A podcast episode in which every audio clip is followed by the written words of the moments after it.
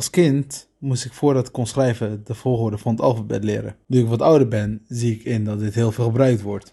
In bijvoorbeeld woordenboeken of in mijn contactenlijst. Ik vraag me daarom af, wie heeft nou eigenlijk de volgorde van het alfabet bepaald?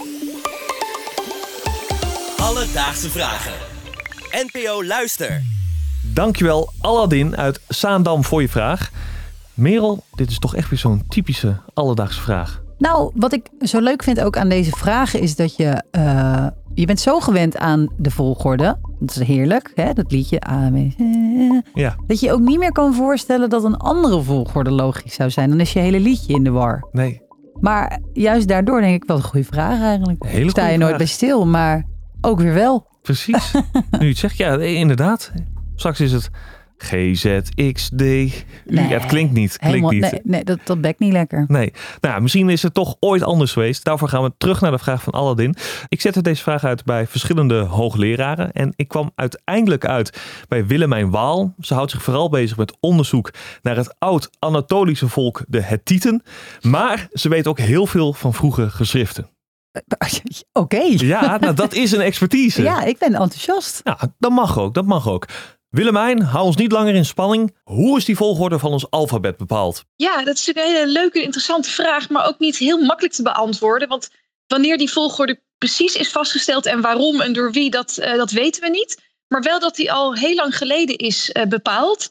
En in ieder geval al in de 14e eeuw voor Christus. Dus bijna zo'n 3.500 jaar geleden. Het eerste bewijs wat we dus hebben voor die volgorde zeg maar, van, het, eh, van het ABC... dat vinden we in eh, de oude stad Oegarit. Dat was een kustplaats in het noorden van het huidige Syrië. En daar is een, een klein kleitabletje gevonden. Dat dateert uit de 14e eeuw voor Christus. En daarop staan ja, alle letters van het alfabet geschreven. Een soort eh, abecedarium noemen we dat. En dat is ook weer een heel bijzondere variant van het, eh, van het alfabet. Het spijkerschrift alfabet. En het interessante is, als we kijken naar de volgorde van die letters op dat kleine kleitabletje. Dan staat daar Alef, Beet, Gimel. En dat is de, de volgorde die ook is overgenomen later door de Grieken. En die het hebben aangepast tot alfa, beta, gamma. En daar, ja, daar komt dus ook de volgorde van ons alfabet vandaan. Waarom het dus in die volgorde ABC staat, ja, dat weten de wetenschappers niet. Bekt het toe dan lekker, denk ik. Ja, waarschijnlijk. Ik heb trouwens een theorie online gevonden. Ehm, dit heeft geen wetenschappelijke onderbouwing, eh, voor zover ik weet. Maar een theorie is, is dat eh, de A-klank, dat dat een van de meest gebruikte was. En dat het daarom de eerste in het alfabet was. Hm, Maar goed, volgens Willemijn is het dus niet echt duidelijk wie die volgorde heeft bepaald en waarom. Wat we wel weten is dat het dus duizenden jaren oud is. En wat zij mij ook vertelde is dat het eh, behoorlijk beïnvloed is door andere culturen. Zo hadden we natuurlijk ook de Egyptenaren met het hieroglyphenschrift. Nou, die hieroglyphen die hebben nog een behoorlijke invloed gehad op ons ABC. Wat we zien is dat, dat, dat ons alfabet geïnspireerd is op die Egyptische hieroglyphen. En we zien dat eigenlijk die heel vroeger, in het, het eerste stadium, die, eh, die letters eh, ja, tekeningetjes waren, eigenlijk eh, pictogrammen. En soms kunnen we dat zelfs nog wel zien in de huidige lettervormen. Als je bijvoorbeeld kijkt naar de, de A, hè, de, de alfa, die kunnen we terug herleiden tot de afbeelding van een ossenkop. Want de, nou die A die staat oorspronkelijk staat die voor eh Alef. Hebben Grieken, de Grieken hebben daar later alfa van gemaakt. En dat woord Alef dat staat voor os in het Semitisch. En dus eigenlijk de, de, de A-klank is een ossenkopje. En dat kun je eigenlijk nog zien als je de hoofdletter A, als we die gedrukt, als je die hebt, als je die omdraait. Dan zie je eigenlijk nog terug dat het eigenlijk een kopje is met twee uitstekende hoorntjes. Dus onze A gaat terug op een afbeelding van, een, eh, ja, van de kop van een os. Wat heeft zij een ontzettend leuke eh, expertise. Ja, Ja, echt waar. Het is dat ik gewoon eh, niet slim genoeg ben en niet goed genoeg voor dit soort dingen.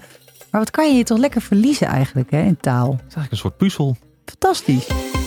Alledaagse vragen. Merel, jij had het in het begin over eh, die volgorde van het ABC. Je kon je niet voorstellen dat er Z, I, X, B, G. Q, O. dat het ooit anders zou zijn. Maar Willemijn vertelde mij dat het best had gekund dat wij een alfabet hadden gehad met een andere volgorde. Wij hebben gebruiken die vaste alfabetvolgorde van ABC, die dus teruggaat op het Grieks alfa, beta, gamma. Maar er was ook vroeger al dus ook een andere eh, volgorde van het alfabet in gebruik. Eh, De zogeheten Halaham-volgorde. En eh, die vinden we ook al terug in dat Oegriet. Dus in die, de- zeg maar in die 14e eeuw voor Christus. Daar vinden we dus al de, de, zeg maar onze ABC-volgorde. Maar ook die andere volgorde. En die volgorde die bestaat nog steeds wel. Die wordt gebruikt voor uh, Zuid-Arabische alfabet, bijvoorbeeld ook het uh, Ethiopische schrift. Maar die is wel veel minder populair gebleken eigenlijk dan het, uh, ja, ons ABC. Want dat eigenlijk bijna alle alfabetten die we nu kennen, gebruiken die volgorde. Uiteindelijk heeft het alfabet ja, de Halle volgorde verdreven. Ja, nou ik denk dat dat een podcast op zich kan worden hoe dat dan weer is verlopen. Maar in ieder geval leuk om te weten dat er ook nog een andere uh, volgorde in gebruik. Dus Aladdin, vandaag zochten we voor je uit hoe de volgorde van ons alfabet is bepaald. En het treurige antwoord is dat we helaas niet precies weten hoe dat is gebeurd. Wel weten we dat ons alfabet al heel oud is, namelijk al meer dan 3000 jaar, en dat het ooit werd beïnvloed door de hieroglyphen. Wie weet ontdekken ze nog ooit waarom het ABC is en niet WRQ. Of ZOP. Ja, ZOP. Het sop, sopbed. Sopbed.